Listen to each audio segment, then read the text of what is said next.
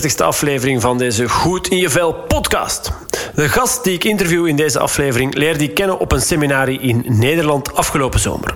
Want ja, je moet nu eenmaal blijven investeren in jezelf, in je zelfontwikkeling, vind ik althans. Ik vind het een echte eer om te kunnen blijven bijleren, te evolueren en te groeien als mens. In het Spaans hebben ze zo'n uitdrukking waar ik mezelf wel in kan vinden. Vrij vertaald komt ze neer op: een dag niet geleerd is een dag niet geleefd. Al zei mijn businesscoach me een tijdje geleden wel... Frey, je hebt zoveel kennis om mensen hun gedrag blijvend te doen aanpassen. Stop nu eens met leren en bied gewoon iets heel duidelijks rechtlijnig aan. Dat doe ik dus ondertussen ook. Ik bied persoonlijke leiderschapcoaching aan voor ondernemers die op een punt komen van... Is dit het nu? Zo hard werken? Maar voor wat? Ik zie mijn vrouw, mijn kinderen en zij die er echt toe doen, bijna niet. Het moet anders. Ik help hen dus beter om te gaan met stress, meer zin en zingeving te ervaren, maar dus ook betere relaties te hebben met hun naasten. Ik richt me dus iets meer op de privékant van de ondernemers hun leven. Op dat gebied is de gast van deze aflevering haar coachingsaanbod heel complementair met het mijne. Zij is namelijk productiviteitscoach voor ondernemers en spitst zich meer toe op het bouwen van de business die bij de persoon achter de ondernemer past. Iets meer in vergelijking met wat ik aanbied, de businesskant dus. Dat is niet zo verwonderlijk als je weet dat ze een achtergrond heeft als handelsingenieur. In dit interview hebben we het onder andere over gedrevenheid en plezier versus moeten en bewijsdrang. Het belang om van veel verschillende dingen te kunnen en mogen proeven. Grip hebben ten opzichte van controle loslaten. De spiegel die het ondernemen je soms wel voorhoudt en nog veel meer interessant. Ik zou zeggen, of je nu aan het wandelen bent, in de wagen zit of gewoon lekker lui in de zetel ligt, gun jezelf even een momentje en laat je inspireren door Mien Gijsens. Um, Mien, allereerst uh, bedankt om even tijd voor mij vrij te maken. Uh, stel, jij ligt op je sterfbed. Hopelijk mag dat moment nog lang wegblijven. Hè? Maar welke dingen wil jij je dan vooral kunnen herinneren? Ik heb uiteraard al wat nagedacht over die vraag, omdat ik weet dat dat een vraag is die vaker komt hè, bij jou. Um, en het grappige is, een van de eerste dingen die mij opkomt, is zo de kinderen die ik nog niet heb. Mhm. Dus ik, ik, mhm. heb op dit moment nog geen kinderen, maar ik weet wel dat ik dat wil en dat dat voor mij iets, allez, iets, uh, iets heel waardevol gaat zijn. Dus dat is sowieso belangrijk. Um, iets anders, en dat, dat steel ik eigenlijk een stukje uit het boek, dat voor mij een heel grote inspiratiebron is geweest. Um, van Bronnie Ware, de palliatieve verpleegkundige, hè, waar, waar hebben mensen spijt van op hun sterfbed. Is zo dat ik niet voluit mezelf heb kunnen zijn, niet de moed heb gehad om mijn eigen leven te leiden. En dat is voor mij echt een trigger geweest om te doen wat ik doe. En dat is dus ook absoluut hoe ik op mijn leven wil kunnen terugkijken. Dat ik eigenlijk zonder spijt kan sterven. En kan zeggen van, ik heb op eender welk moment, want ik kan nu geen glazen bol hebben wat er allemaal nog op mijn pad gaat komen en wat ik allemaal nog ga willen doen. Maar ik wil vooral op dat moment kunnen terugkijken en denken, yes, ik heb alles gedaan wat ik wilde doen. En ik heb mij niet laten tegenhouden door stemmetjes of door anderen of dat soort zaken. Mm en misschien wat cliché, maar toch ook wel ja, de stempel gedrukt hebben. Hè. De, de wereld op een positieve manier hebben geïmpacteerd. En dat is toch ook iets waar ik actief mee bezig ben. Dus dat. Oké. Okay. Alright, ik ga er zo nog wel wat verder op ingaan, uh, want er zijn een paar interessante dingen die, die ik u hoor zeggen. Um, voor degenen die jou um, niet kennen, um, wie is Mien Gijsens? Dat is zo dat we toch altijd de neiging hebben om daar direct een job op te plakken. Hè? Uh, ja, uh, toch? Ja, ja, ja, misschien. Ja. En het is ineens wel zo, ik ben, ben redelijk uh, geïdentificeerd met mijn job. Ik ben ondernemerscoach, dus ik begeleid ondernemers in, in persoonlijke ontwikkeling. Dat is u uiteraard niet vreemd. Um, en om veel meer het bedrijf te bouwen dat bij hen past, in de plaats van zichzelf aan te passen aan het bedrijf. Nu, ik merk wel de laatste tijd um, dat dat een stukje aan het verbreden is. Dus ik ben iemand met een heel brede achtergrond. Ik, heb al, ik sta ontzettend leergierig in het leven. Heel enthousiast ook. Ik wil heel veel dingen proeven, ervaren, meemaken. Dus ik heb ook al heel veel gedaan, heel veel gestudeerd, professioneel heel veel gedaan. En ik ben het dan gaan vernauwen, hè, belang van focus. En dus ik ben me echt op die ondernemers gaan richten. En ik merk de laatste maanden dat ik dat terug ietsje aan het verbreden ben. In die zin um, dat eigenlijk mijn tagline, mijn missie is ondernemer van uw eigen leven zijn. En wat bedoel ik daarmee? Is veel meer ownership pakken over je leven. En dat betekent dat ik enerzijds met ondernemers werk die wel ondernemers zijn van hun bedrijf maar eigenlijk niet echt van je leven. En daarnaast ook met andere mensen die wel die, die een drive voelen, die voelen dat er meer in zit. En dat eigenaarschap over hun eigen leven willen opnemen. Dus dat is iets waar ik um, heel hard rond werk. En ik weet dat ik nu ben ingestoken vanuit mijn job. Maar het typeert mij ook wel als persoon. Omdat dat absoluut wie is Mien? Mien is iemand die ontzettend enthousiast in het leven staat. En daar zoveel mogelijk wil uithalen. Haar volle potentieel wil benutten. Um, vanuit een gedrevenheid en een plezier in het leven. En niet vanuit moeten. Mhm. Bewijsdrang. Dat heeft er heel lang in gezeten. Dat is een valkuil die af en toe soms nog wel boven komt. Um, maar het is vooral vanuit, ik ben iemand die gewoon wilt genieten van het leven. Oké. Top. En, en voor jou is um, werken en de professionele invulling van wie jij bent, is ook gewoon genieten. Daar geniet jij van. Daar... Ja, ja. ja, ik ben heel veel bezig met mijn werk, maar dat is bijna altijd vanuit een insteek dat ik daar ook gewoon zin in heb. Ja. Dus ik, ik, ik, werk nog, als ik nu vergelijk met een agenda met x aantal uh, jaren geleden, um, is die invulling, sluit die veel meer aan bij hetgeen waar ik ook effectief gelukkig van word. Dus ik, ik werk nog zelden vanuit ik moet dit nu doen of dat wordt nu van mij verwacht, maar veel meer vanuit yes, dit is wat ik wil doen, hier heb ik gewoon zin in. Ja. Um, en dat voelt wel heel fijn uiteraard. Ja. En dat is ongetwijfeld, als ik naar mijn ja, coachingpraktijk kijk, en, en, kan ik me voorstellen, want ja, wat wij doen ligt heel dicht bij elkaar, denk ik. Hè. Um, ja. Um, dan kan ik me voorstellen dat dat ook bij jou in jouw coaching terugkomt. Dat wat jij zegt, ik probeer zoveel mogelijk dingen te doen die ik ook echt leuk vind. Dat dat een stukje een onderdeel is van hetgeen wat jij mensen probeert mee te geven. Jouw, ja. jouw cliënten of hoe dat je ze ook noemt. Um, van, denk er eens over na wat vind jij ook nog gewoon leuk? Naast, Absoluut. En eigenlijk, want ik heb um, heel recent, eh, als in vorige week is mijn tweede boek uitgekomen, Exponentieel Potentieel.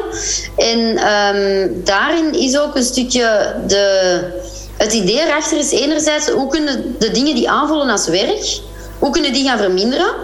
Door veel meer dingen te doen die dat je ook echt leuk vindt en je werk meer en meer op die manier aan te passen dat dat aansluit bij hetgeen wat voor je belangrijk is. En daarnaast, want het is eigenlijk in C een boek rond productiviteit, de dingen die dan aanvoelen als werk, hoe kunnen die zo efficiënt en effectief mogelijk doen, zodat er meer tijd en ruimte over is voor de rest. Terwijl ik zie in het dagelijkse leven dat het heel vaak omgekeerd is. Dat mensen al alles maar willen afvinken. En als er dan toevallig nog tijd over is, dan gaan ze die steken in, in de leuke dingen. En ik zie dat bij u ook heel regelmatig. Ik, ik volg u uiteraard ook op Instagram. Dat zie ik bij u ook heel regelmatig, Vrij. Um, hoe belangrijk dat voor u is om die omgekeerde beweging te doen. En te vertrekken vanuit, goed, maar ik ga eerst inplannen wat er voor mij belangrijk is. En dat andere stuk, dat, dat volgt dan wel. Zodat. En dat apprecieer ik zeker wel, omdat ik er zelf zo ontzettend in geloof. En ik denk dat we elkaar er heel hard in vinden.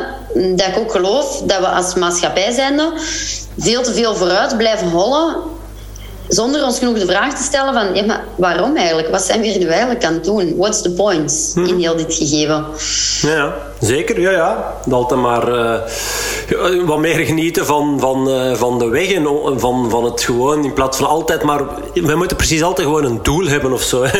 En we moeten precies altijd naar daar en dan, als we daar dan zijn, het volgende en het volgende. Terwijl, ja, meer in het nu, dat klinkt dan ook weer heel cliché misschien, maar gewoon ja, oh, dat, is, dat vaak zo moeilijk hè, voor, voor heel veel mensen. Zo in het nu gewoon genieten van datgene wat dat je, hoe simpel ook, hoe stom ook. Uh, en, en, ja, ik vind bijvoorbeeld uh, spelen dan een heel mooi voorbeeld. Natuurlijk is dat, ik weet het ook wel iets makkelijker als je jonge kinderen in huis hebt. Ehm, en misschien wat moeilijker als je er geen hebt of als je wat ouder wordt. Maar, maar toch, ook dat uh, is wel iets wat, wat ik probeer uh, mee te geven. Ja, maar het is, ja, spelen is, is gewoon... Het, dat dat... Ja, geen doel te hebben. Snap je? Gewoon een activiteit waarbij dat je zonder, zonder, zonder specifieke streven of zonder doel gewoon je kunt amuseren. Um, ja, dat is gewoon waardevol, denk ik. Absoluut. En tegelijkertijd is het zo te weinig dat dat in onze maatschappij aanvaard lijkt te zijn. Um, ik, ik, herinner mij dat ik ooit een keer spontaan op een liedje begon te dansen in de supermarkt. Maar mensen keken mij raar aan. Terwijl ik was gewoon echt zo in mijn flow, in mijn happy zelf. En ik was zo... Ik had het eigenlijk zelfs amper door dat ik dat deed. En ik kreeg zo'n rare blikken. Zo echt alsof van... Ja, er zou wel iets mee schelen. En dan denk ik, maar hoe jammer is dat eigenlijk? Want dit is wel gewoon leuk. Het zijn deze kleine momenten die het leven zijn. Mm, ja, natuurlijk. Ja, zeker. Ja, ja. Dat is inderdaad uh, mooi en, heel herkenbaar. ik, uh, ik kan ook soms zo aan de schoolpoort uh, ineens beginnen, spontaan beginnen zingen. Of omdat ik gewoon met een bepaald liedje of zo. Of in de week zei er nog iemand, een, een, moeder van iemand die bij onze leerlijn in de klas zit. Ja, als ik u zo zie, dan het zonnetje schijnt en je gaat dan gewoon zo even gewoon met je gezicht, niet naar de schoolpoort, maar gewoon totaal aan een andere kant. En dan gewoon even je ogen sluiten en even zo, gewoon al is het maar een paar minuten, allee, nog geen, misschien nog geen minuut, maar gewoon even zo in het zonnetje gaan staan. Dan als ik, het zijn juist die dingen die juist... Um, ook on, onvoorbereid of zo, snap je? Gewoon ongepland. Gewoon in het moment. Ah, het zonnetje is daar even. Ah, wel, ik kan er gewoon al is het maar uh, een halve minuut even uh, van genieten. En uh, ja, dus de spontaniteit. En tegelijkertijd, en ik ben heel benieuwd hoe dat jij er naar kijkt, um, merk ik dat ik ook wel behoefte heb aan een drive en een richting en een doel. En niet per se van, ik moet nu de Mount Everest gaan beklimmen of ik moet nu dit, niet per se op die manier, hè, maar ze voor mezelf wel bouwen aan een betere toekomst voor mezelf, um, vind ik ontzettend waardevol. En ik merk als ik mezelf bepaalde doelen niet stel, dat dat er ook niet van komt. Als mens kiezen wij voor de weg van de minste weerstand. Als we niet bewust een bepaalde keuze daarin maken. En ik ben daarin niet anders dan anderen. Namelijk dat ik die weg van de minste weerstand dan ook kies. Tenzij dat ik heel bewust de keuze maak om het anders te doen. En daarvoor heb ik mezelf wel doelen te stellen en, en targets om het nu heel ja. Allee, um, ja, heavy te maken, hè, zo, ja. zo business-wise. Ja. Um, en ik merk dat dat soms in contrast staat met die behoefte aan die spontaniteit en die dingen. En ik merk dat ik, um, dat dat voor heel veel andere mensen ook verwarrend overkomt. Van Mien, enerzijds zegt dit en anderzijds zegt dat. En ik merk dat ik daar zo nog geen echte lijn in heb gevonden van hoe die twee nee, te gaan combineren op een manier dat beide voldoende aandacht krijgen in mijn leven. Ja, ja maar nee, goed. Richting in je leven. Um, waarom dat je iets je moet je altijd ook de vraag, denk ik, durven stellen van, van wat ik aan het doen ben, waarom doe ik dat? En, um, en als je die vraag stelt, ja, dan, dan, is het, dan is het heel logisch, denk ik, dat je je doelen gaat stellen. Hè. Waarom? Waar gaat het naartoe? Wat, wat brengt de toekomst? Wat zijn uw doelen? Uh, ik denk dat dat heel logisch is en dat er, dat er ook um, een, een, verschil is tussen, ja, tussen wat, wat dat je leuk vindt, wat dat je belangrijk vindt, als je daar kunt over gaan nadenken. Um, ja, en, en die kunt gaan combineren, want het leven is nu eenmaal soms niet al, allee, hoeft niet altijd iets, allee, het moet niet altijd leuk zijn en plezier zijn en, en, en ja. de, de, dansjes. Ik bedoel, uh, je kunt ook gewoon dingen doen omdat je ze, dat je ze belangrijk vindt.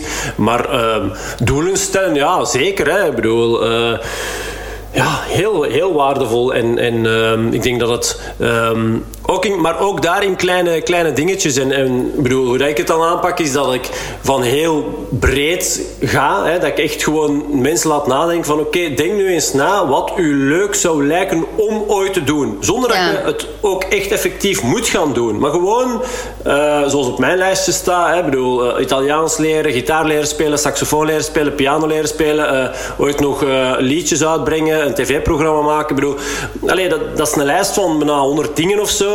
Ga ik die allemaal realiseren en waarmaken? Tuurlijk niet. Um, en, maar het geeft wel richting. Ja, en, en je kunt dan gaan filteren. Ik bedoel, een, ja. een briljant idee komt uit vele ideeën, snap je? Het is, bedoel, uh, dat is altijd zo. Hè. Edison heeft ook de gloeilamp uitgevonden na, na pas 3000 uitvindingen of zoiets. Bedoel, dus dat is altijd, in, in, in een onderneming zie je dat ook. Hè. Bedoel, Zet, u samen met mijn, met mijn team en ga, ga effectief. Waarom zijn er brainstorm sessies? Ik bedoel, effectief om van heel veel ideeën te kunnen gaan schrappen om uit te komen bij één of twee ideeën. Hè. Ja, dat, dat is uh, op zich niet zo. Ja, en, en iets dat daar wel aan, uh, aan gekoppeld is. Ik heb in het verleden heel veel gewerkt um, van, van instant gratification naar delayed gratification. En dat is er voor mij heel sterk aan gekoppeld. Um, ik zo meer en meer dacht van ja, maar die late gratification, dat dekt ook nog altijd de lading niet. Want dat zou dan precies alleen maar betekenen dat het pas leuk is achteraf. Hè, zo. Ja. En dat ik meer en meer tot... Allez, ik was zo aan het zoeken en, en dat ik er recent een term voor had gevonden. Um, het concept van growth gratification. Namelijk de voldoening halen uit het feit dat je vooruitgang boekt. Op welke manier dan ook. Ja. Um, dat je stappen zet. Want dat is iets wat ik ontzettend hard merk. Ook al doe ik dingen die ik misschien in het moment zelf niet zo fijn vind. Ik haal er heel veel voldoening uit om te weten en te observeren dat ik kan bouwen bij aan mijn droomleven. Mhm. En dat ik stappen aan het zetten ben die mezelf verder gaan brengen. En daar kan ik ongelooflijk veel voldoening uithalen. En dat is voor mij die growth gratification. Ja. En ik vind dat wel heel belangrijk, omdat dat voor mij ook helpt om dat onderscheid te maken van wanneer ben ik te veel in die gejaagde modus en in die gaan-gaan modus, waar we ja, daar net ook al heel kort over hadden. En wanneer ben ik echt op een duurzame manier aan het bouwen aan iets dat voor mij belangrijk is. Mhm. Ja, ja, dat is heel mooi. Ik denk dat dat inderdaad een, een, een leuke, mooie manier is om er naar te kijken. Ehm, ja, dat je van, van je groei en, en het, ja, dat omarmen en daar, daar, uh, daar haal je ook voldoening uit. Hè. Dan, uh, dan kan je gewoon op het moment zelf weer al uh, zien van oké, goed, ik ben, ik ben hier, nu hier en die stapjes heb ik nog te zetten om inderdaad ja. uh, mijn, mijn droomleven ooit uh, te kunnen waarmaken. Zeg, en, en uh, je zegt er straks. Ehm, als ik vroeg van wie, wie, hè, wie is Mien Gijsens, dan vroeg, zei je van ik heb een heel brede achtergrond. Ik heb daar, inderdaad, ik heb daar al een beetje een zicht op, maar voor, voor de luisteraar kan je ons daar wat in, meenemen? Hè, want nu ben je voornamelijk ja, zo goed als al, alleen, dat weet, mag ik misschien ook niet zeggen, maar met, met, met het coachen van ondernemers bezig. Maar um, je hebt ook wel andere watertjes doorzwommen en... Yes, absoluut. Um, ja, begonnen al sowieso als kind. Ik had elke dag een andere hobby. Hè. Dus ik heb heel veel verschillende hobby's gedaan. Elke dag van de week weg. Dat, uh, dat hoort er uiteraard bij, maar wat. Um, ook heel wat buitenschoolse activiteiten. Voorzitter geweest van van alles en nog wat. Zo, dat, dat heeft er altijd wel bij ingezeten. Maar ik ben een handelsingenieur gaan studeren. Omdat ik ervan overtuigd was dat ik CFO wilde worden. Heel veel interesse in cijfers, financiën en alles wat daarmee te maken heeft. Maar terwijl ik dat aan het studeren was, miste ik zo de menselijke kant in dat verhaal. Ik dacht, ja, maar het zijn wel de mensen die die cijfers realiseren. En op die vijf jaar tijd heb ik één vak gehad, mensenorganisatie. Hmm. En ik vond dat een beetje triestig. dus ik ben op dat moment een vierjarige oplossingsgerichte psychotherapieopleiding gaan volgen. Ik wist echt van toeten opblazen. Ik stapte daar binnen en ik was zo... Ik kende eigenlijk heel weinig context, maar ik voelde wel direct van... Ik zit hier op mijn plaats. Dat, uh, dat, dat voelt hier goed. Um, en na handelsingenieur, ik was ook nog niet klaar om te gaan werken. En ik had op dat moment ook heel veel interesse in voeding en gezondheid. En ook vanuit een insteek. Ik voelde al heel snel... Ik ben iemand die veel uit leven wil halen. Daar heb ik veel energie voor nodig. Dus ik ga studeren hoe ik energie kan maken. Dus ik ga nog biochemie bij doen. Ik heb dan uh, een bachelor biochemie gedaan. Ik heb die master niet omdat dat voor mij te weinig toegepast was. Dat was uh, ik vond dat redelijk theoretisch. Was heel interessant, maar ik vond dat onvoldoende toepasbaar in praktijk. Um, daarna nog wel ortomoleculaire voeding ook gedaan, omdat dat wel veel toegepaster was. Dus ik gaan kijken naar welke voeding heeft welk effect op je lichaam. En ik ben dan nog een andere vierjarige therapieopleiding gaan doen om een heel stevige basis daar ook wel in te hebben. En ben dan in loondienst begonnen, redelijk snel een eigen zaak gestart in fusies en overnames, samen met twee collega's. Dus effectief dat heel financiële, heel uh, cijfermatige. En het leuke was, want mensen zeiden toen al van Min, je moet keuzes maken, um, je kunt niet alles doen, je kunt niet en dat menselijke en dat financiële, et cetera, et cetera. Ik zie, ik weet niet of dat, ja, de luisteraars kunnen de vreemde niet zien, maar ik zie hem al met zijn ogen draaien. Um, dus ik denk dat het herkenbaar is, hè, die, uh, die uitspraken van anderen. En ik weet dat ik dacht van, jawel, I will find a way. En um, in dat traject van fusies en overnames ook heel hard gemerkt hoe gebrek is aan menselijke begeleiding. En dat is voor mij een trigger geweest om mij daar veel meer in te gaan verdiepen. Dus ik ben op dat moment heel wat coachingopleidingen gaan bijvolgen om ook de psychosociale aspecten in die trajecten veel meer te kunnen behandelen. En ik ben dat zo leuk beginnen vinden dat ik daar een apart bedrijf van heb gemaakt. Zijn de life goal coaching, van waaruit dat ik mij dan effectief veel meer op ondernemers ben gaan richten. Maar intussen tijd heb ik heel wat burn-out begeleiding gedaan, um, loopbaanbegeleiding gedaan, heel veel individuele coachings van, uh, van particulieren ook. Dus ik heb daarin een heel breed uh, spectrum. Ik heb in die end ook nog voedingsadvies gegeven en zo, omdat ik dan ook die achtergrond had. En dan ben ik zo gaan zoeken van wat is nu die rode draad en ik merk dat ik, ik ben van nature uit een redelijk holistisch en integratief type. Wat betekent dat ik hou van heel veel verschillende invalshoeken. En ik geloof niet in yoga als de heilige graal. Ik geloof niet in voeding als de heilige graal. Ik geloof niet in sport als de heilige graal. Ik geloof niet in mindset als de heilige graal. Ik geloof dat het een combinatie is van al die zaken. Um, en dat is voor mij wat die rode draad geworden. Om op die manier veel meer eigenaarschap in je eigen leven te kunnen opnemen. En vandaar dat het idee ook is geboren van, oké, okay, word ondernemer van je eigen leven. Dat, en dat dat eigenlijk veel meer hetgeen is um, waar ik rond werk en hoe ik daarin ben terechtgekomen. Oké. Leuk, leuk ja. Zeggen, um, hoe zie je, want er straks zei je, ja, ik, heb, ik heb uiteraard geen glazen bol, die hebben we niet, die heeft niemand niet. Uh, het zou soms handig zijn misschien, misschien ook niet. Um, maar als je dan um, binnen vijf jaar, hè, want er, juist sprak je ook al even van jouw, jouw droomleven, jouw ideale leven. Hoe, hoe, um, hoe ziet dat er enerzijds uit? En langs de andere kant, ja, welke doelen heb jij dan nog? Want binnen vijf yes. jaar, waar sta je? Ja, wat, wat, zie je nog allemaal doen? Heb je nog plannen? Ja, ongetwijfeld. Absoluut, absoluut. Vraag, Elke dag komen daar nieuwe ja. bij. ja, vertel, neem ons erin mee. Sowieso, ik, ik zei het al helemaal in het begin bij de eerste vraag. Kinderen, dat, die zie ik sowieso wel in mijn omgeving eh, binnen dit en, en vijf jaar. Um, en voor mij, vrijheid is een van mijn topwaarden, net als persoonlijke ontwikkeling. En ik heb als kind, ja, ik, ik, zoals ik daarnet vertelde, ik heb uiteraard al uh, veel gestudeerd ook. En ik weet dat ik altijd zei, maar als ik ooit geld kan verdienen met studeren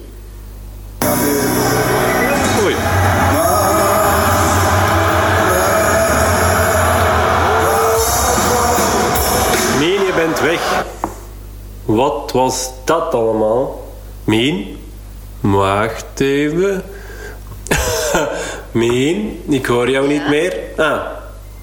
Hoor je me nog? Nu terug. Ineens had ik heel vreemd uh, en dat is echt heel vreemd. Ineens een stukje, en ik ben uh, eergisteren of wacht even denken, ja, naar, naar uh, optreden mogen gaan van Rob de Nijst, afscheidsconcert.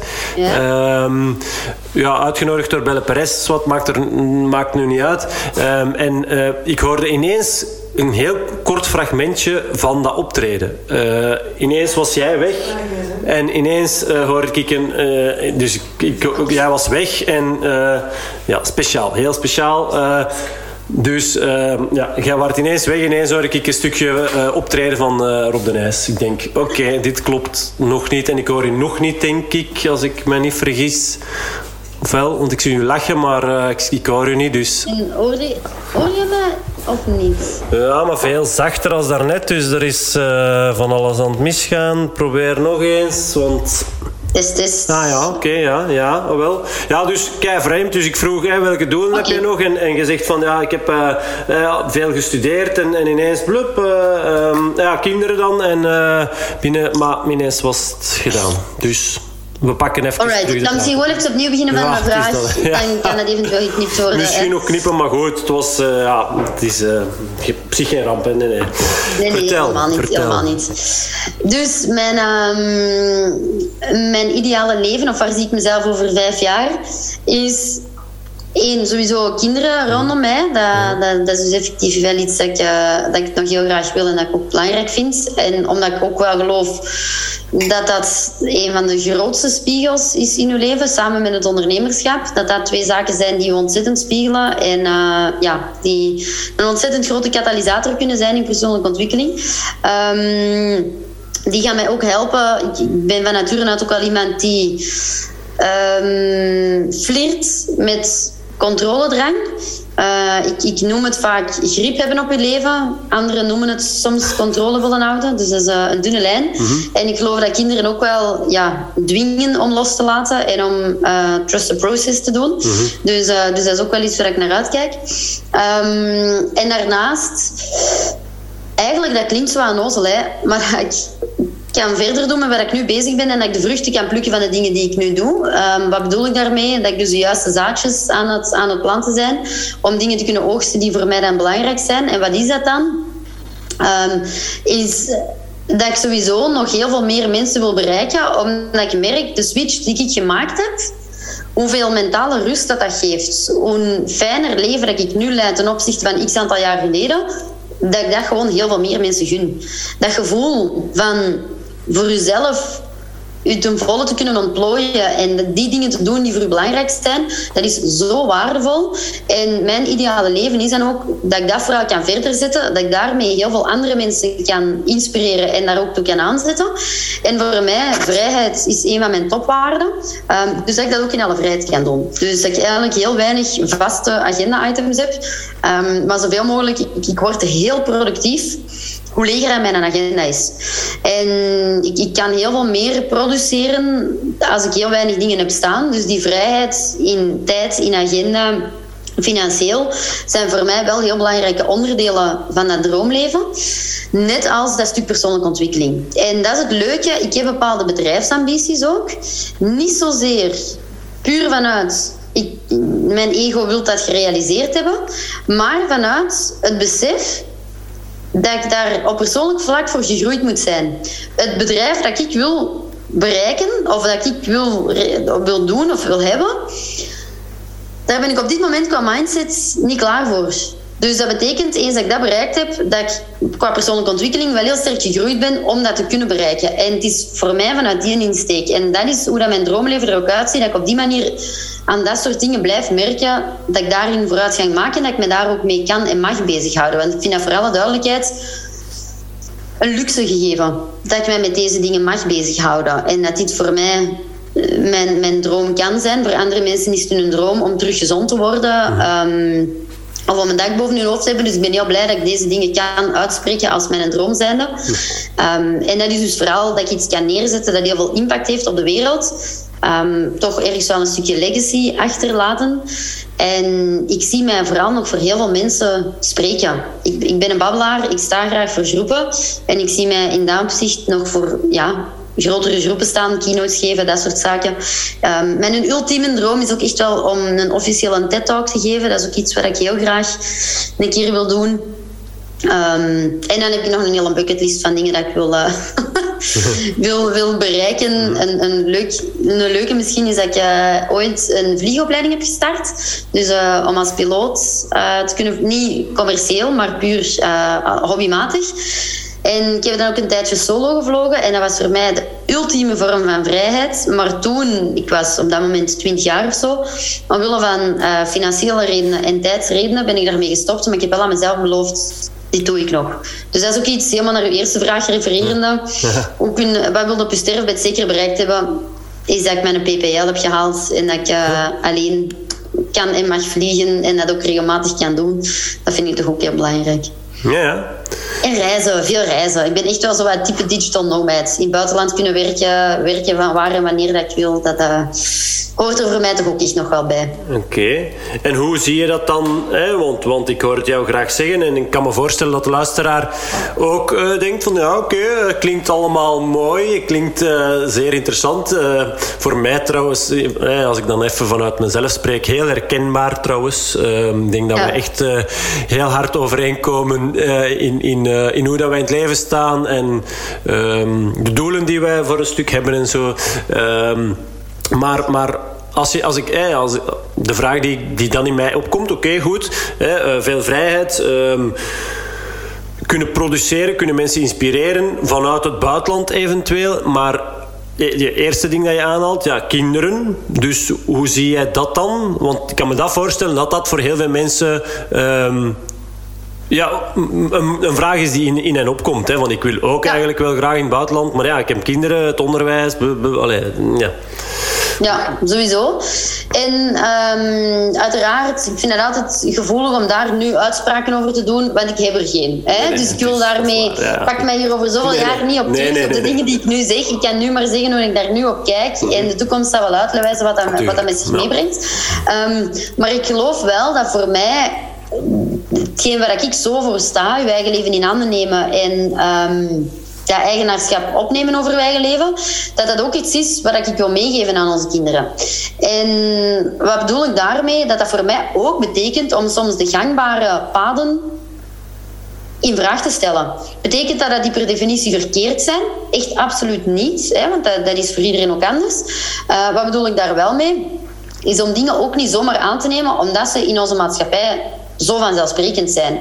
En voor ons, wij staan absoluut open voor periodes van thuisonderwijs, um, internationale scholen, dat soort dingen. En voor alle duidelijkheid, ik heb niet de ambitie om permanent in het buitenland te leven. Ik, ik, ik hou van België. Um, ik, ik ben hier graag. En dus dat is voor mij het ding niet.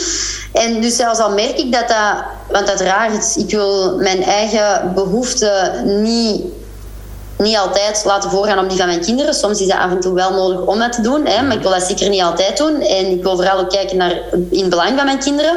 En als ik merk dat die dat toch moeilijk vinden of lastig vinden, dan zijn er wat mij betreft nog altijd alternatieven door te zeggen, goed, we maken er gewoonte van om bijvoorbeeld in de zomervakantie dan wel sowieso twee maanden weg te zijn. Um, en in de andere vakantieperiodes voor een langere tijd in het buitenland te zitten, bijvoorbeeld. Dat zijn voor mij allemaal pistes die ik wel echt wil onderzoeken en een keer wil uittesten, trial en error. En zijn dat dat mij ontzettend tegenvalt. En dan is dat zo, maar ik wil dat wel geprobeerd hebben. Ik wil niet terugkijken en denken, hm, had ik maar. Mm nee, nee. Is dat een antwoord op uw vraag? Ja, ja zeker, zeker. Ik, uh, ik vind het interessant omdat ik... Uh, ja, ook weer al, hè, het, het, is, het is herkenbaar. Ik... Uh, ja, Veronique dan en ik verschillen daar dan wel wat in. Uh, zij is net iets traditioneler, meer gericht op, uh, op traditie. En, en uh, terwijl ik daar ook inderdaad ehm, ja, iets meer voor opensta, maar, maar goed ehm, het is wel een ding. Zo. Ik, ik, ik, heb, ik heb het ook al. Ik heb bijvoorbeeld ooit lesgegeven in, in, in een internationale school, in een uh, English International School in, uh, in Italië. Ja. En ja, goed, daar, nu dat je dat zo zegt, dan, dan komt dat terug boven. En dan is dat iets dat, dat Goh, nu heb ik het eigenlijk gewoon even uh, weg, allee, weggezet en, en, perfect, het is perfect oké zoals, zoals het is, laat ons zeggen. Maar zo ja, het is zo, uh, als ik het jou hoor zeggen van nou wel, uh, misschien met periodes en trial and error, stuk internationaal school, als je misschien ergens in het buitenland woont of thuisonderwijs, dat zijn dingen die op dit moment, maar goed, we zitten met een eenjarige en een, en een vierjarige. Die gaan nog niet naar school en dan een vierjarige kleuter. Dus, dus dat uh, is, is ook nog. Um, ja, niet echt aan de orde, maar, maar goed, het is interessant uh, om. Uh, ik, ja. Eigenlijk komt het erop neer. Ik wil het op zijn minst verkennen. Mm -hmm. ja. Ik wil niet uitgaan vanuit, ja, maar dat gaat niet, want nee. er zijn kinderen. En dat is voor mij, en ik zeg het, het kan zijn dat dat op niks uitdraait en dat dat niet, maar ik wil op zijn minst dat allemaal wel een keer verkend hebben en geprobeerd hebben. En ik weet, ik heb ooit een opleiding gevolgd met iemand en um, haar vader was gestorven. En um, zij hebben toen een erfenis gekregen, zij en haar broer. En zij hebben toen beslist met de, met de twee gezinnen, dus zij hadden alle twee, denk ik, drie kinderen. En zij beslist, wij huren een grote zeilboot en wij gaan een jaar een wereldreis maken met die zeilboot. En die hebben dat ook effectief gedaan. En dan hebben die, die hadden allemaal schoolgaande kinderen. En dan hebben die, die kinderen ja, ergens in het midden van een of andere oceaan wat Frans geleerd, wat dit gedaan, wat dat gedaan. En dat is eigenlijk een heel waardevolle ervaring geweest. Op schoolvlak zijn die kinderen daar niet op achteruit gegaan, helemaal niet. En het is voor hen ook wel een zotte experience om zoiets te kunnen meemaken en met andere culturen in contact te komen. En dat is voor mij persoonlijk ook wel een van de dingen dat ik aan mijn kinderen wil doorgeven. Dus het is zo vanuit die insteek dat ik denk, goh, ik wil zo'n dingen een kans geven en een keer zien wat dat allemaal brengt. Ja, ja, ik denk dat het... Uh, bij mij is uh, Amsterdam een, uh, een stad die heel hard aan mij trekt op een of andere manier. Elke keer als ik in Amsterdam kom, dan voel ik mij uber gelukkig. En omdat daar vrijheid ook een ding... Ja. Snap je? Dat is zo... Ook een stukje de hippiecultuur. Op, soms ja, voel ik mij ook wel een beetje een hippie. En, en dat is nee, niet per se omdat ik vroeger veel jointjes heb gesmoord. Ja, dat is effectief echt zo. dat staat ook in mijn boek. En, en ik, ik schaam me daar niet, niet, niet voor. Um, maar gewoon zo, ja... Weet je wel, je bent er zelf al wel eens geweest, veronderstel ik. Of nou, in Amsterdam ja. wel. wel. Ja. Zo dat, dat, uh, dat, toch dat, dat idee daar en dat gevoel van, van alles kan. En, en, en bedoel, weet je, we proberen het. En, en ik stel me soms de vraag hoe het zou zijn als je... Um, stel dat je naar daar verhuist... Uh, en je kunt je kinderen in Amsterdam laten opgroeien. Of in ons geval hier in Bouwel, in uw geval in Mechelen. Of, of, allee. En Mechelen is dan nog, nog anders, nog, nog wel wat groter als, als, als, als het kleine dorpje Bouwel hier. Uh, wat voor een verschil dat zou maken op de kinderen hun, hun leven. Ik denk dat dat een interessante ja. Ja, denkpiste De vraag die, alleen al maar de vraag stellen aan jezelf als je kinderen hebt, van wat het, wat het zou betekenen voor hen en zou opleveren. Of, of ik denk dat dat... Uh, ja. Ja, en ik denk dat dat een van de grootste um, moeilijkheden is in, in heel het ouderschap. Ik zie dat ook in mijn praktijk en kan me dat op zich ook echt wel heel goed voorstellen. En, dat is en ik, ik kan me dat heel goed voorstellen, omdat dat ook um, in, in bredere zin in onze maatschappij een hele moeilijke is. Het, de bewustwording en het echte begrip dat andere mensen andere dingen belangrijk vinden. En jij kunt voor je kinderen geloven van, ja, maar in Amsterdam, daar ga je een veel rijkere toekomst tegemoet, want je leert veel meer mensen kennen en bla bla bla bla. Dan kun je echt oprecht van overtuigd zijn en van het goede intenties naar daar verhuizen bijvoorbeeld. Maar misschien hebben die kinderen voor wie dat, dat veel te veel prikkels zijn, veel te veel druk is en hebben die veel meer behoefte aan natuur en buiten zijn en noem maar op. Ehm, en dan het echt kunnen accepteren dat zij daarin andere behoeften hebben en dat zij een andere invulling hebben van hun droomleven dan dat jij voor hen hebt, mm dat lijkt mij een van de grootste uitdagingen. Ja, Ja, dat is waar. Nee, nee, ja, ja. Dat is wat je zegt er straks van, van je eigen behoeften uh, soms boven die van je kinderen te stellen. Dat daar op zich zeker niks mis mee is. Dat dat zeker moet kunnen, ben ik zeker ook voorstander van. Maar soms ook totaal niet. Ik bedoel, ja, uh, ja dat dat, uh, ja. Ja, en ik denk wel dat het een gigantische impact heeft. Waar dat je, in, in welke omgeving dat je opgroeit. Sowieso. Ik denk, ja, ik denk, ik denk dat soms effectief. Hè, de mogelijkheden die uh, naar, naar connecteren, naar, hè, naar uh, ja, kansen die er liggen. Ik bedoel, uh, als, je, als je gaat nadenken over samenwerking, ook voor mijn business. Ik heb daar ook al, ik heb daar die, die reactie al vaak van mensen gekregen van man, moest jij doen wat dat jij doet in Nederland alleen al, maar nog niet, niet per se dan in Amsterdam, maar gewoon in Nederland of, of, of hier in Vlaanderen. Ja, het zou een, zou een, een wereld van verschil eh, betekenen. Hè? Want ik bedoel, uh, hoe lang, zes, zeven jaar geleden had ik al een online, uh, online begeleidingstrajecten. Ik bedoel, we zijn er nog altijd niet in Vlaanderen, denk ik, bij wijze van spreken. Hè? Dat dat, dat, dat uh, ja, corona misschien een beetje heeft het een beetje uh, normaal of, of, of, meer geaccepteerd gemaakt. Maar, maar goed, dus ja, het is iets uh, wat ik. ja, wat dat interessant is om, om ook als, als luisteraar, denk ik, om daar eens over na te denken. Hè? Welke impact zou dat hebben? En, en worden daar gelukkiger van? Wat zou even goed zijn kunnen dat het niet zo is. Hè? Dat je gewoon perfect gelukkig bent in jouw uh, vertrouwde omgeving. Hè? Uh, ja. Absoluut. Ja, en ik heb zelfs een keer iemand in, uh, in begeleiding gehad. Die, hij kwam uit Nederland, heeft dan een hele tijd in België gewoond en gewerkt. En is om die reden bewust terug naar Nederland verhuisd. Hij zegt, ik wil mijn kinderen niet laten groot worden in deze overbescheiden maatschappij. Waar niemand durft voor zijn dingen uitkomen. Ja. Um, die zegt, ik, ik word er zot van. En dat is niet de waarde dat ik aan mijn kinderen wil meegeven.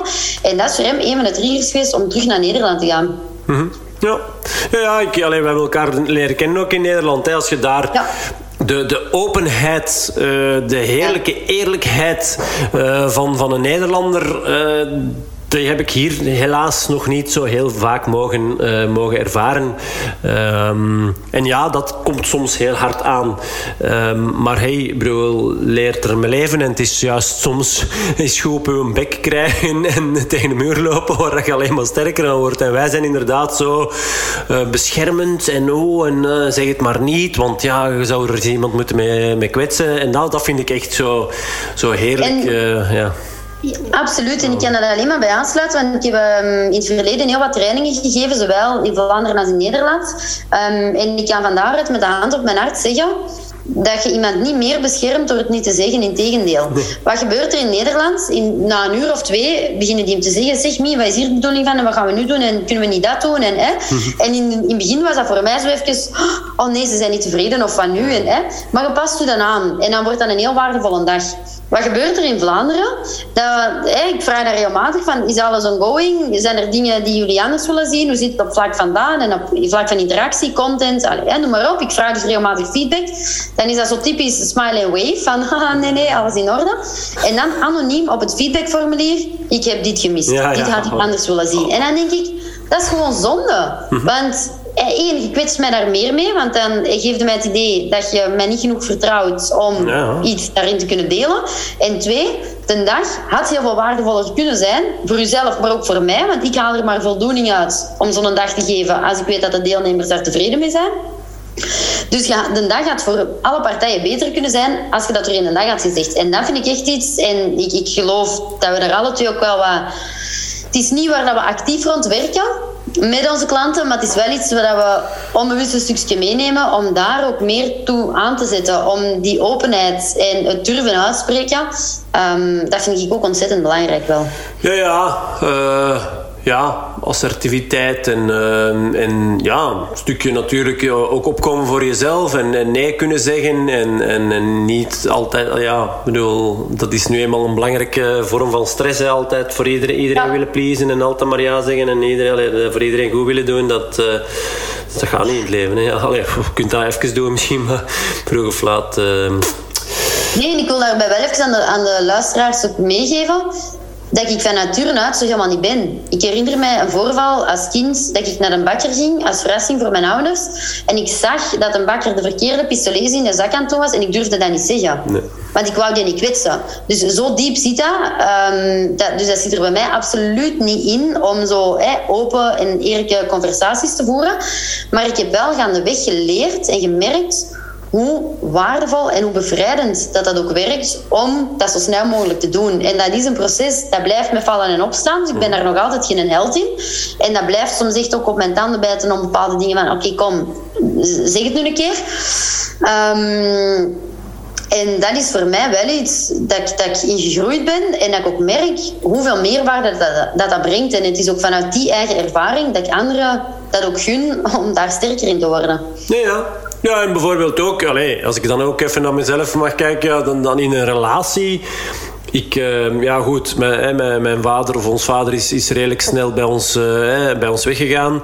Um, mijn moeder uh, had geen nieuwe partner of, of dus ik ben eigenlijk voor een heel groot stuk alleen door, uh, door mijn moeder opge, opgevoed ja, ik heb dat gewoon niet geleerd om, om te zien. Ik heb het gewoon nooit gezien. Dus wat je, wat je ziet, ja, dat, dat kopieer je en dat, dat, zie je als voorbeeld. En pak je mee voor, voor je toekomst uiteraard. Ja, van, van te communiceren en, en open. Uh, ja, ook al is het niet goed. Of, of, of inderdaad kwetst het jou. Of, of geeft, geeft ze de verkeerde pistolets mee. Maar dan in een relatie gebeurt er iets dat, dat, jou, eh, dat, dat je ziet en dat je niet aanstaat.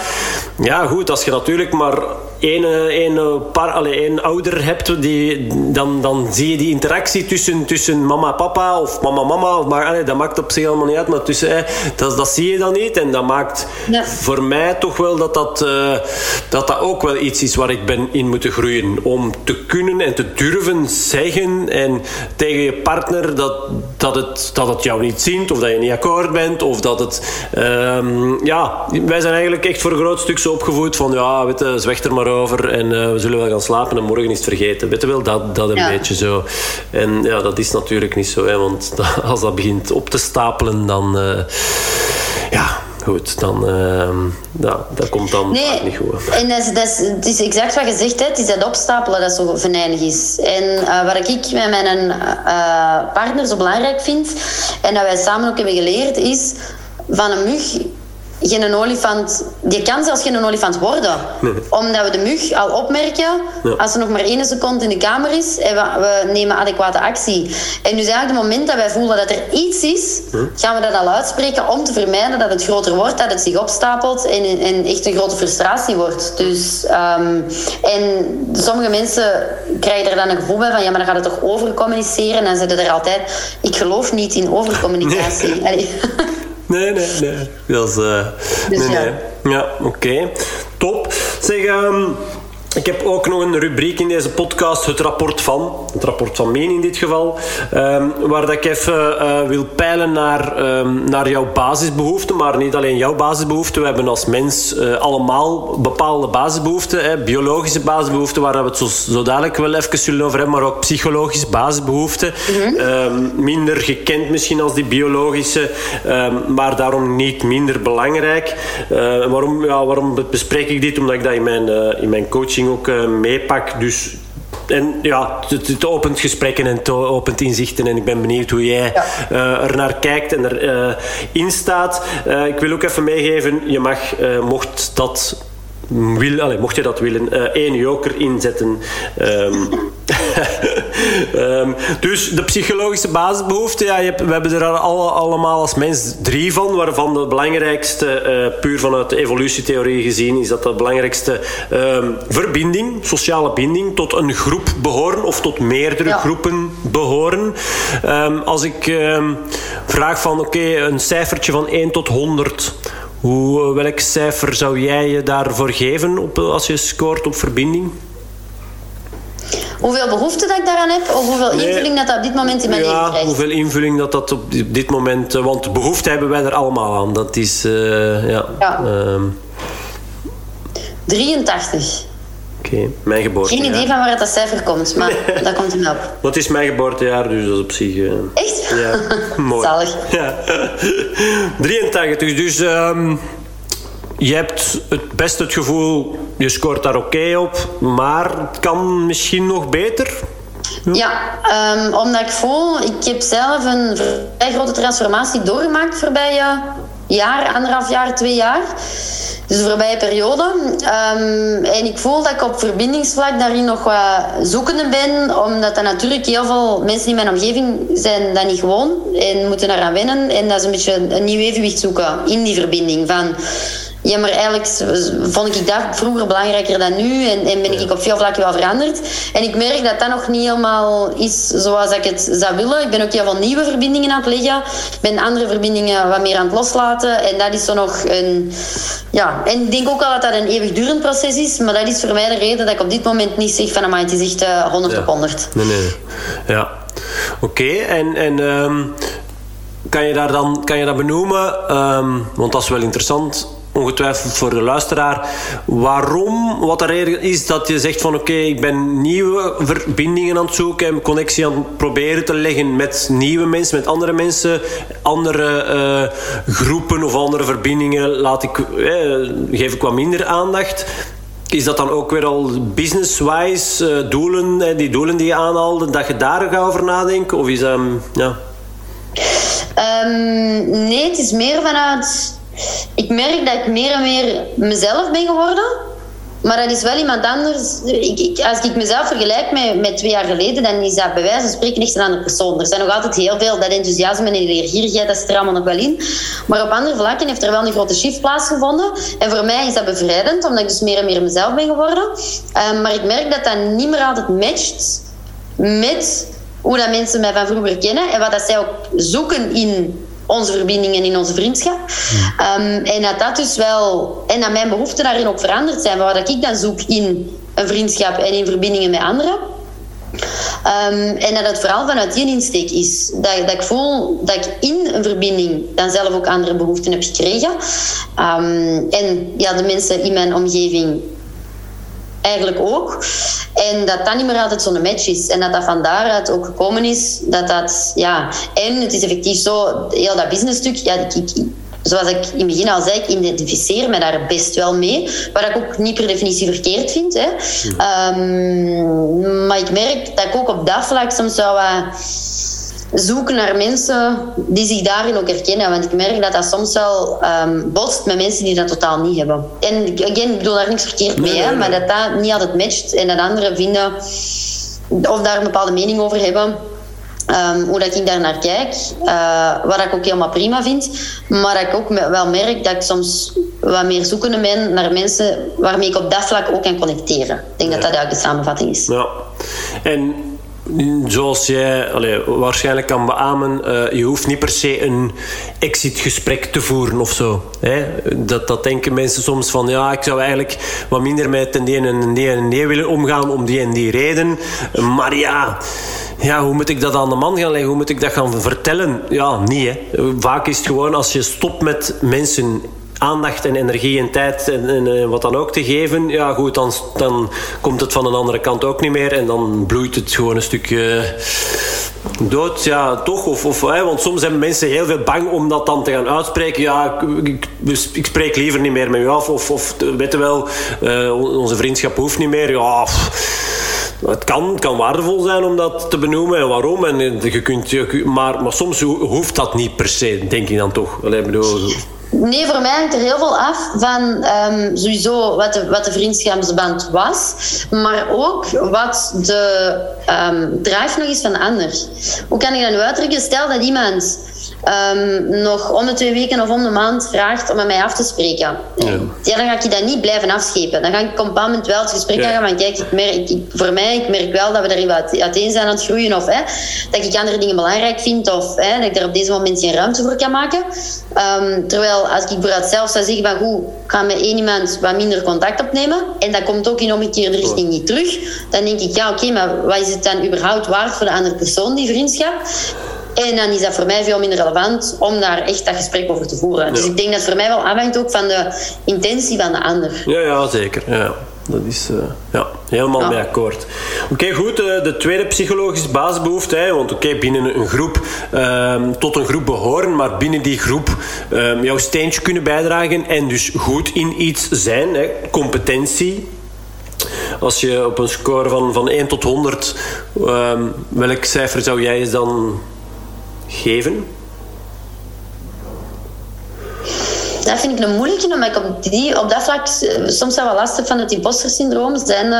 Um, dat ik denk dat ik mezelf een lagere score zou toebedelen dan de anderen dat doen. Want als ik puur objectief daarin naar mezelf kijk, um, dan zou ik daar een hoge score aan durven geven. Dan komt direct weer die typisch Vlaamse bescheidenheid ook ja. wel naar boven. Zo van, ja, maar dat is toch arrogant om dat van jezelf te zeggen en allez, zo dat.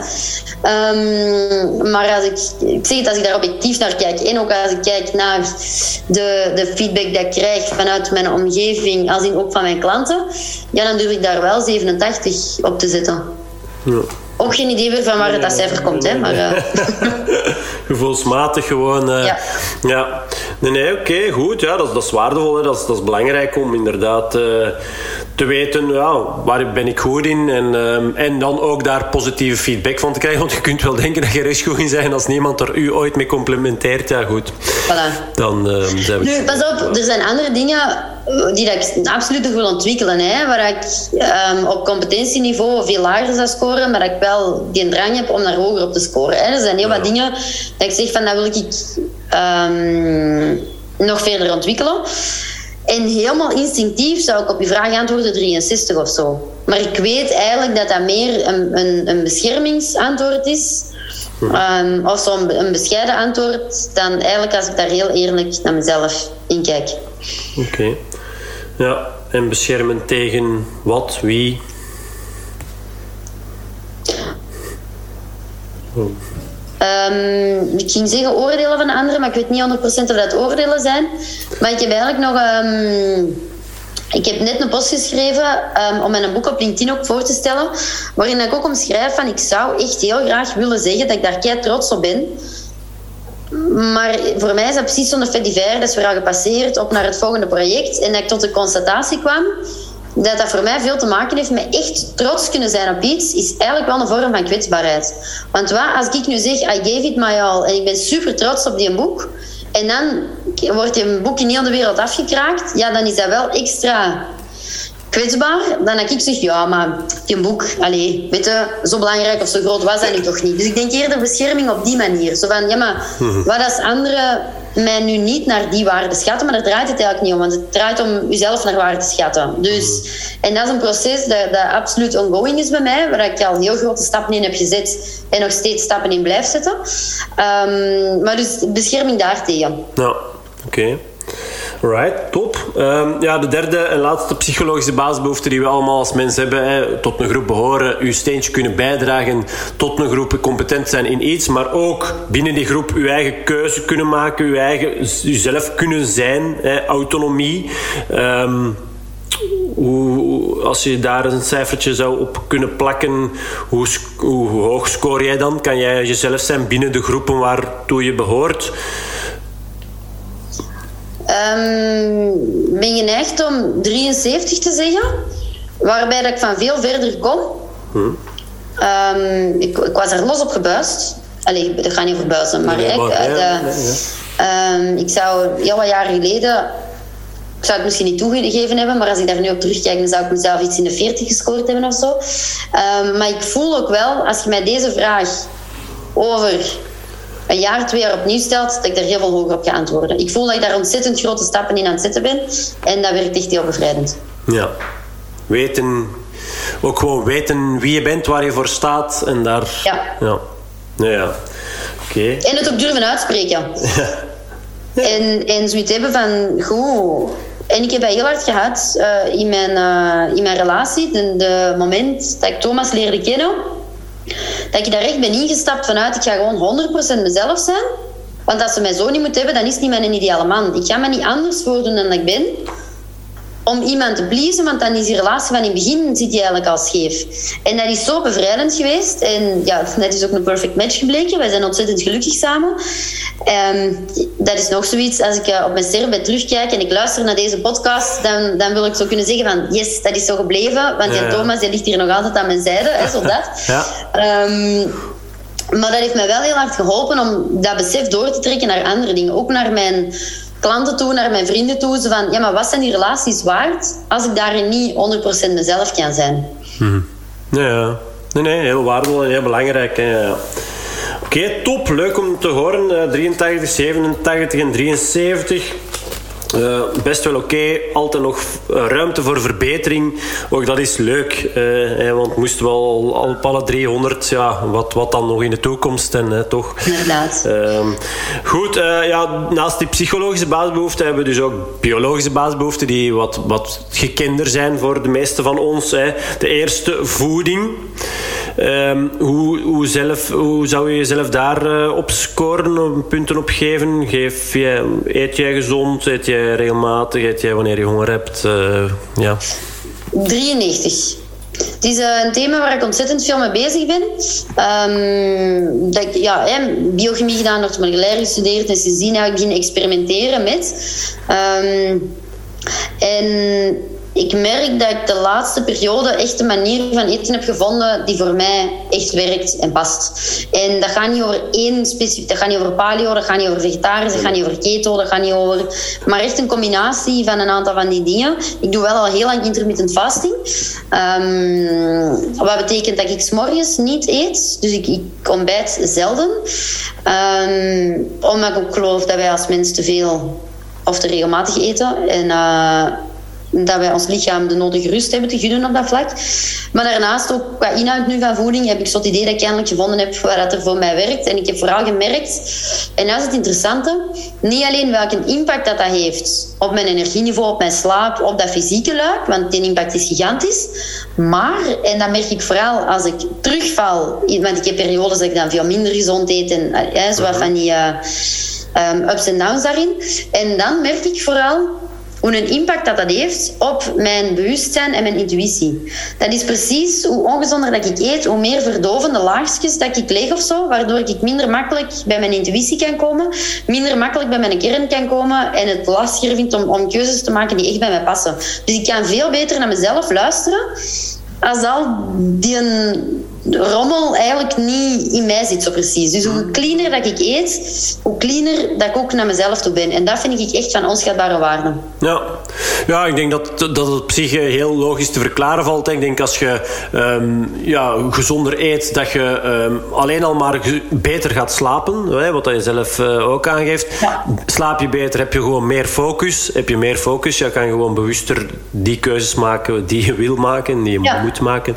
Um, dus op zich is dat niet zo heel... Uh, ja, niet zo... Maar goed, uh, allee, ik kan dat nu gewoon, denk ik, redelijk makkelijk verklaren. Maar... maar um, omdat, Je bent er ook al veel mee bezig geweest, Ja, hè? omdat ik er ook in sta en inderdaad uh, heel veel mee bezig ben. Um, maar um, ja, maar inderdaad... Ja, heel waardevol om dat, uh, ja, om dat te beseffen. Hè, want, want daar, die link leggen mensen dan niet. Hè. Ik bedoel, Nee. hè, voeding, daar wordt heel veel over geschreven. Waarom zouden we in godsnaam uh, gezond eten? Maar denk wel, juist zoals met heel veel dingen... U de vraag stellen, waarom in godsnaam zou ik dit gaan doen? Ik bedoel, je kunt wel zeggen, hè, uh, daar gaan we het zo nog over hebben, ik ga wat meer sporten. Ja, oké, tof, goed. En als dat uw doel is en als je dat wil. Maar waarom? Ik had gisteren nog inderdaad zo iemand die, die mij contacteerde om, uh, om, om, om, eventueel gecoacht te worden. En ik had dan in mijn intakeformulier van hoe zou je leven er anders uitzien um, als we zouden gaan samenwerken. En dan was het zo, ja, wat meer, meer tijd maken, meer hebben, tijd hebben om te gaan sporten, meer fut hebben om te gaan sporten en dan wat, uh, wat, afval, allee, wat, eh, wat afvallen. En ik heb, ja goed, ik heb erop gereageerd van goed, leuk uh, dat je mij contacteert en ja, ik zie wel mogelijkheden om eventueel samen te gaan werken, maar durf, allee, durf eens, allee, hoe, hoe ziet jouw leven er idealiter anders uit? Alsjeblieft, kom toch met andere dingen, nog meer dingen dan die drie dingen die je dan opzomt, ja. toch? Allee, dat is dan... Hè, um, ja. Nee, nee, dus het is, het is, ik vind het leuk dat je het, uh, dat je het, uh, dat je het aanhaalt. Um, 93, geen 100. Uh, wat, wat, is, wat, wat kan er dan, denk je, als je heel eerlijk bent, dan toch nog... Ik heb het, het is kei maar ik heb het heel lastig om te stoppen met eten. Um, ik heb gemerkt dat ik eigenlijk op een bepaalde manier een stukje of een neiging tot verslaving heb aan het uh, heel verzadigd gevoel. Hm aan zo het echt vol zitten. Niet gewoon ik heb genoeg gegeten, maar ik zit, ik zit echt vol. Ja. Dat dat ergens bij mij iets qua allee, of een, een grote hoeveelheid dopamine vrijgeeft of zo. Ja.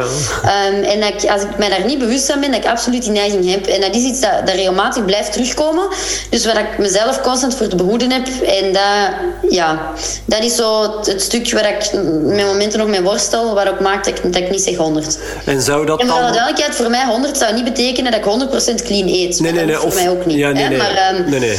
nee. Op dit moment, wat daar dus nog ontbreekt, is dat ik te vaak van mezelf vind dat ik zo ja, dat ik te veel moeite heb om te stoppen met eten. En dan ja. te veel ga eten. Ja, u echt het zijn dan allemaal gezonde dingen, maar ik eet dat wel ja, te veel. Ja, ja, u overeet echt. Uh, ja. Zeg, en, en, het is maar een bedenking. Um, Intermittent fasting, ben er op zich uh, niet zo'n fan van. Ik heb ook uh, Michael Sels, de hoofddiëtist van, van het USA, al mogen interviewen voor deze podcast. Hij was er ook niet echt, echt mega fan van. Goed, maar, maar dat, dat nog, want, want het beste dieet is dat dieet dat voor jou werkt. Bedoel, weet je wel, dat is voor, voor iedereen anders. Ja. En, en ik hoorde jou daarnet ook zeggen van, ik heb een manier gevonden die voor mij werkt. Dus ik wil niet per se zeggen dat jij, ik bedoel, iedereen doet, is vrij om te, te, de keuze te maken die hij of zij wil. Jij dus zeker ook. Uh, dus dat, dat wil ik niet. Hè. Ik wil jou niet per se overtuigen om daarmee te gaan stoppen. Maar zou het niet kunnen dat, uh, dat het daar toch een stuk mee te maken heeft dat als je natuurlijk effectief van s'avonds 8 uur uh, tot, tot middags 12 uur of, hè, niet eet, dat dat een stukje een trigger is om u te overeten en, en echt zeker, of is het ook s'avonds? Uh, want die twee maaltijden, ja. ja.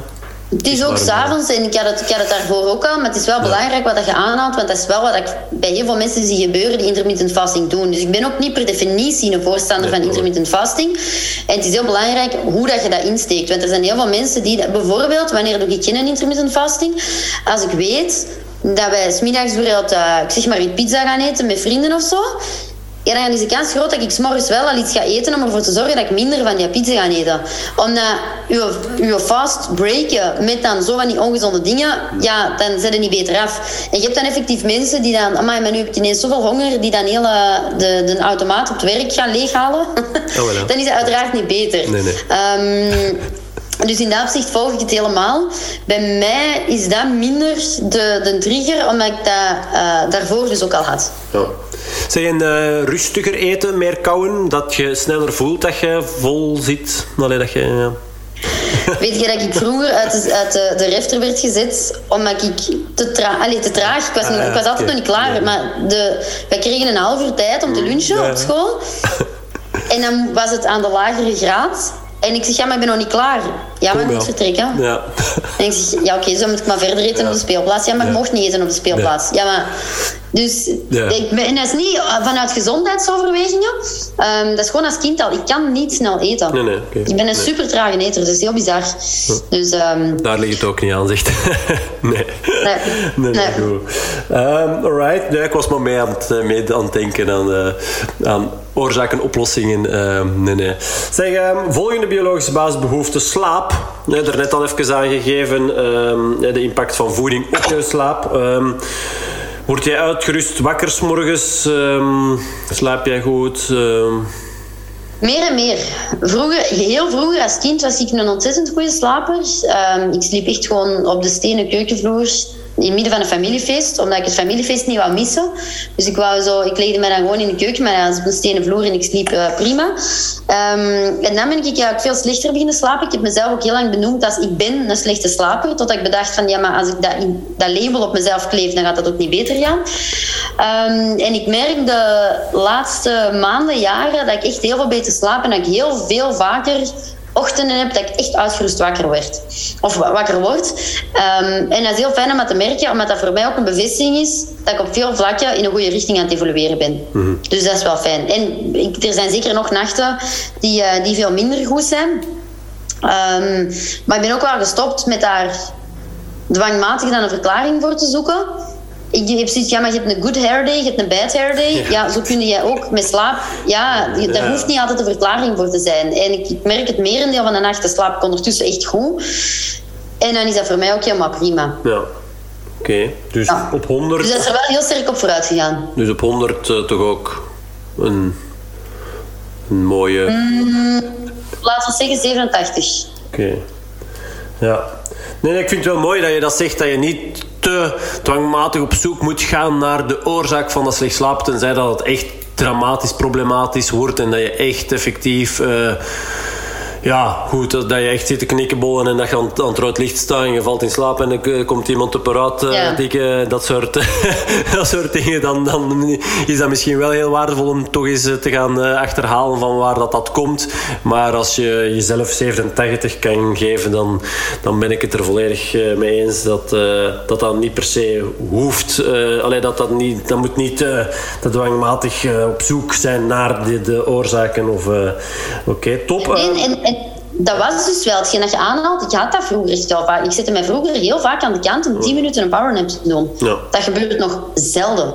Echt zelden. En, dan denk, en dat zijn kleine dingen waaraan ik wel merk dat ik effectief een veel hoger energieniveau heb. En ik zeg het, het gevoel van s'morgens echt wakker te worden en denk je, yes, zalige nacht gehad. Dat ervaar ik heel veel meer dan vroeger. En dat is fijn om die evolutie te merken. Ik zeg het omdat dat voor mij ook een bevestiging is dat ik op andere vlakken blijkbaar wel goed... En ik bedoel niet goed of slecht, hè, maar, zo, dat ik dingen aan het doen ben die voor mij wel goed werken. Ja. zo.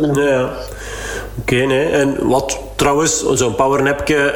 Um kan trouwens gewoon. Ook al zelfs niet per se omdat je uh, echt gewoon moe, echt voelt dat je kei moe bent, maar, maar naar productiviteit en zo toe. Uh, ja, en, en daar straks uh, benoemde jij zo van, het is, het is, ik weet niet meer over wat het ging, maar je zei zo van, ja, dat is nog not done in onze maatschappij. Zo. dat, toen dacht ik direct van, ja, powernapjes ja. is ook zoiets. Hè. Ik geef dat wel vaak aan mijn cliënten mee van, als je nu onderweg bent van ergens, van een afspraak en je bent onderweg naar het kantoor of naar, naar, naar, terug naar huis en je komt uh, laat ons zeggen, zes minuten later aan.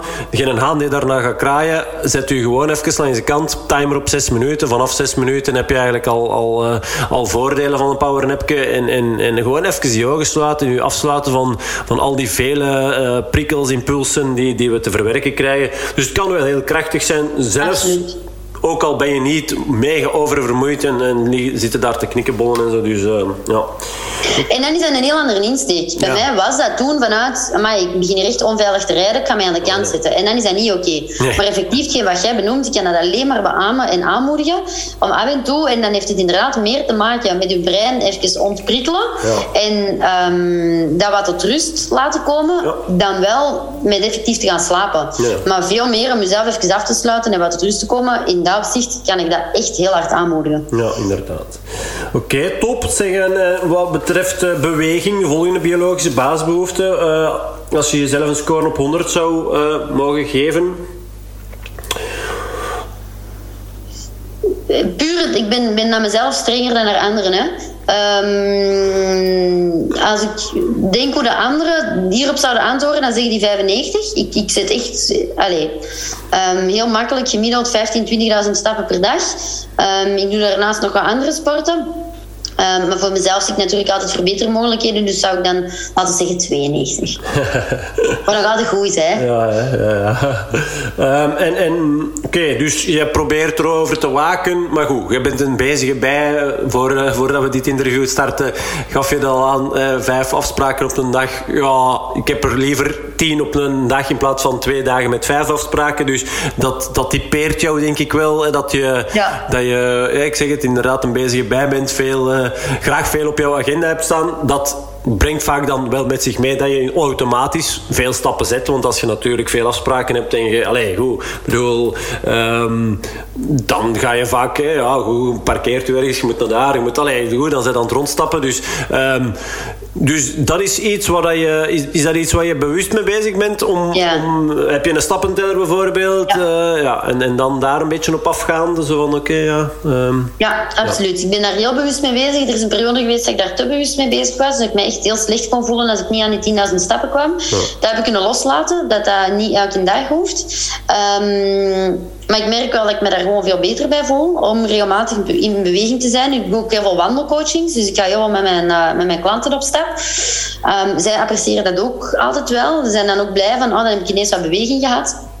Ehm, en daarnaast ben ik ook het belang van crashtraining gaan inzien. Ehm, maar goed, dat moet ik u niet vertellen hoe belangrijk dat, dat is. Ik denk dat ja, uw achtergrond is daar honderd keer groter in dan die van mij. Ehm, maar dat ik echt wel merk ook hoeveel deugd dat mij dat doet. En dat is even de weerstand opzoeken om daarna weerbaarder te zijn. En ik merk dat ik daar ook wel heel veel aan heb. En dus dat is effectief ook wel iets dat ik bewust ga opzoeken. En anderzijds doe ik ook heel bewust yoga. eh, vooral yin yoga dan. Omdat dat dan voor mij ook een manier is om in beweging tot rust te komen. Ja, oké.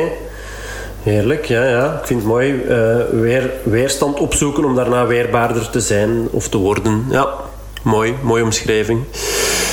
Ik denk dat, ik denk dat, dat ik Tibor dat ooit een keer heb horen zeggen. En dat is mij zo wel bijgebleven van, yes, dat, dat is inderdaad wel zo. Dat we, ja, Ja, ja. Ja. Ehm, ja, voor degenen die nu denken Tibor Woenhel of eh, eh, Tibor.nl, eh, topkerel Tibor Olgers, ehm, waar wij elkaar trouwens hebben leren kennen op, Ja. een, op een event van Tibor. Als je hem nog niet volgt, ehm, zeker doen, want eye-opener op vele, op vele vlakken. En ja, ja, heel inspirerende kerel vind ik persoonlijk zelf. Dus ik zou hem graag ooit nog voor deze microfoon sleuren, maar alles op Ja. zijn tijd. ik ga meeduimen, dat zou wel zalig zijn. Het zou zalig zijn, ja. Het is misschien nog niet zo, zo simpel, maar goed. Eh, even, doelen, doelen stellen. Blijven doelen hebben. Eh, goed, brengt ons eh, bij de volgende ehm, biologische basisbehoefte. Natuur. Op, eh, we hebben dat nodig om in de natuur te vertoeven, groen te zien. Ehm, hoe, hoe zelf, welke score zou jij jezelf daarvoor geven? Ik ben wel aan gaan nadenken. Het eerste dat mij opkomt is 63. Ehm, en dat, dat is nu. Als je mij dat, dat is bij mij, ik merk dat dat heel periodegebonden is. Er zijn periodes dat ik massa's tijd buiten spendeer. Ik woon ook heel dicht bij de vaart, bij een park. Ehm, mijn ouders wonen eh, in een bos, dus als ik daar ben, ga ik daar eh, vaak in. Ehm, dus er zijn periodes dat ik, dat ik mij hier absoluut een heel hogere score op zou geven. Op dit moment 63. En ik mis dat dan ook echt wel. Ik, ik merk dat, hoeveel deugd dat de natuur mij doet en hoe graag dat ik buiten kom. Ehm, dus ja, dat is zeker iets dat op dit moment, als in deze weken in mijn leven, Ja. voor verbetering vatbaar is. Oké. Inplannen, Mien, inplannen. Ja, no to yourself. Gewoon doen, ja. En als je dan bijvoorbeeld toch een wandelcoaching eh inplant, ja, doe, probeer het dan inderdaad ook eh, wat, wat ik denk dat jij... Want ik denk dat je... Allee, is wat... eh, ik volg jou ook op Instagram bijvoorbeeld en zo. En dan... ik denk dat je nogal kritisch... Dat dat op zich niet verkeerd is, maar dat, dat, het, dat je misschien... Oké, in deze weken misschien iets lager scoort, maar... Ik wou zeggen, als je een wandelcoaching inplant, ja, doe het dan ook gewoon ergens eh, inderdaad eh, tussen het groen of ergens... eh, Ja. ja, dat is. ehm, En soms hoeft het ook niet lang te zijn. Hè. Gewoon wat staren naar, naar de natuur, ehm, planten in huis. ehm, ja, ik bedoel, eh, het, kan, eh, allee, het kunnen kleine dingen eh, zijn, maar oh, oh zo krachtig. Dus ehm, absoluut. ja, probeer er maar eh, de komende tijd terug. eh, als één aandachtspuntje misschien, eh, dan laat het dit misschien zijn. Oké, en dan een laatste. ehm, ik zei er straks, die mag er ook in zitten, maar hoeft niet per se. Ehm, ja, een belangrijke biologische basisbehoefte die we ook allemaal als mens hebben. Voortplanting. Je hebt nog geen kinderen. Hè. Seks, ja, voortplanting, seks. Ehm, ja, de voortplanting, als je daar jezelf ja, op dit moment 0 op 100, want je hebt nog geen kinderen. Maar je hebt al wel aangegeven hoe belangrijk dat het is. Ehm, geef je jezelf daar een eh, score? Kan je jezelf daar een score op geven? Ja, Ehm, ik, weet, ik weet niet wat ik met dat getal heb, maar ik ben zo geneigd om terug 87 te zeggen. Maar ik bedenk me dat het wel de derde keer is dat ik dat zeg. Um, maar wat, dat um, is blijkbaar een getal dat... Ik ben zelf niet van 87. Nee, ik kon juist zeggen, ben je... Ja, nee, nee. Nee. nee, nee. Uh, mijn vriend wel, mijn broer ook, dus misschien ja, geen idee. Ja. maar goed. dus ja, dat. 87. Dus perfect oké, ja. ja. En hetgeen, en ik denk dat dat, dat herkenbaar is voor, uh, voor heel wat mensen. Wat maakt dat ik dat niet nog hoger op, uh, op score? Um, is omdat ik merk dat ik, daar som, dat ik soms te veel in mijn hoofd zit om daar ruimte voor te maken. En dat is iets waar ik wel bewust mee bezig ben, dus, want ik vind dat uiteraard wel heel belangrijk. Um, maar ik merk dat ik soms zo in de, oh, dit nog en dat nog, en zo, dat dat er aan wat overschiet, terwijl dat eigenlijk heel belangrijk is. Dus dat, dat, dat is de reden dat ik, uh, dat ik niet mezelf daar nog hoger in score. Nee. Oké, okay, nee, maar goed, ook dat, als je het al weet, dat... Um dan kan je er ook, maar goed, 87, ik bedoel, ik denk dat er heel veel mensen uh, daar graag voor zouden tekenen. Dus. Dat is helemaal waar. ja, toch. Dus, um, oké, okay, top. Um, interessant, leuk. Uh, is er nog één ding dat ik jou had moeten vragen, dat ik jou niet gevraagd heb? Iets dat jij nog met de mensheid wil delen? Um, ik kan nog zoveel delen, hè. ik zit er blijven um, Maar uh, nee, niet specifiek, maar misschien wel leuk. Ik denk dat we er kort ook eens hebben aangehaald. Maar um, aangezien dat mijn boek vorige week is uitgekomen, dat we misschien uh, onder de luisteraars een exemplaar kunnen verloten of zo. Juist, ja. Yes, inderdaad, uh, leuk idee. Um, we zullen ze nog even, uh, misschien na uh, dit interview, even afspreken hoe dat we dat concreet aanpakken. En dan zal ik inderdaad wel in de intro en outro van, van dit interview dat um, ja, laten weten hoe dat ze het concreet um, ja, moeten aanpakken, wat ze moeten doen om dan uh, kans te maken hierop. Ja, leuk idee, inderdaad. Uh, het, de naam van het boek, Exponentieel Potentieel, of nee? Yes. Ja, hè? ja, ja, ja, klopt. Okay, ja. En dat is ook ineens de naam van het, uh, van het contentplatform dat ik aan het opzetten ben, met effectief als doelstelling, missie, dat stuk ondernemer over wij leven worden. Mm -hmm. Dus de één op één traject dat ik doe is enkel met ondernemers. Um, maar de, dat platform is echt bedoeld voor iedereen die dat stuk ondernemer van zijn eigen leven wil worden. Mm -hmm. um, en dat is iets dat ik volop aan het, uh, aan het opzetten ben. Ja. Dus uh, zeer boeiende tijden. Yes. Kijk goed. Oké, okay, top. Um, ja, dan rest mij alleen nog jou heel hartelijk te bedanken voor jouw tijd. Het was, uh, het was heel leuk en interessant. Um, Dank je wel. Jij ook bedankt voor hun tijd en voor de uitnodiging. Uh, zeer hard geapprecieerd. Vond het zelf ook heel fijn om te doen. Dus uh, okay. zeer boeiend. Alright, Altijd super. leuk ook. Dikke merci. Ziezo, dat was hij weer al. De 38e aflevering van deze Goed in je Vel podcast. Ik ben benieuwd wat er van dit interview is blijven hangen. Laat het me gerust even weten. Is altijd leuk om van jou, de luisteraar van deze podcast, te horen. Je kan en mag me altijd mailen naar free.wordfit.be of misschien nog makkelijker om te communiceren via Instagram. Lekker makkelijk, vind ik persoonlijk. Adfit ondernemen of advreeheilen op Instagram en dan zie ik jouw berichtje wel verschijnen. In de volgende aflevering interview ik Ilse Jaak van het gelijknamige coachingsbedrijf. Zoals ze het zelf zegt, onze coaching zit bij de top in Europa. Ilse is een high-performance coach die haar cliënten in staat stelt om een nieuwe vloer te maken van elk limiterend plafond waar ze tegenaan botsen. Mooi gezegd van haar, want het zijn haar woorden. Ze helpt ondernemers en zakenmensen, zoals snelle scale-ups, venture builders en investeerders, om zo snel mogelijk van hun punt A, waar ze nu staan, naar hun punt B, daar waar ze willen staan, te bewegen.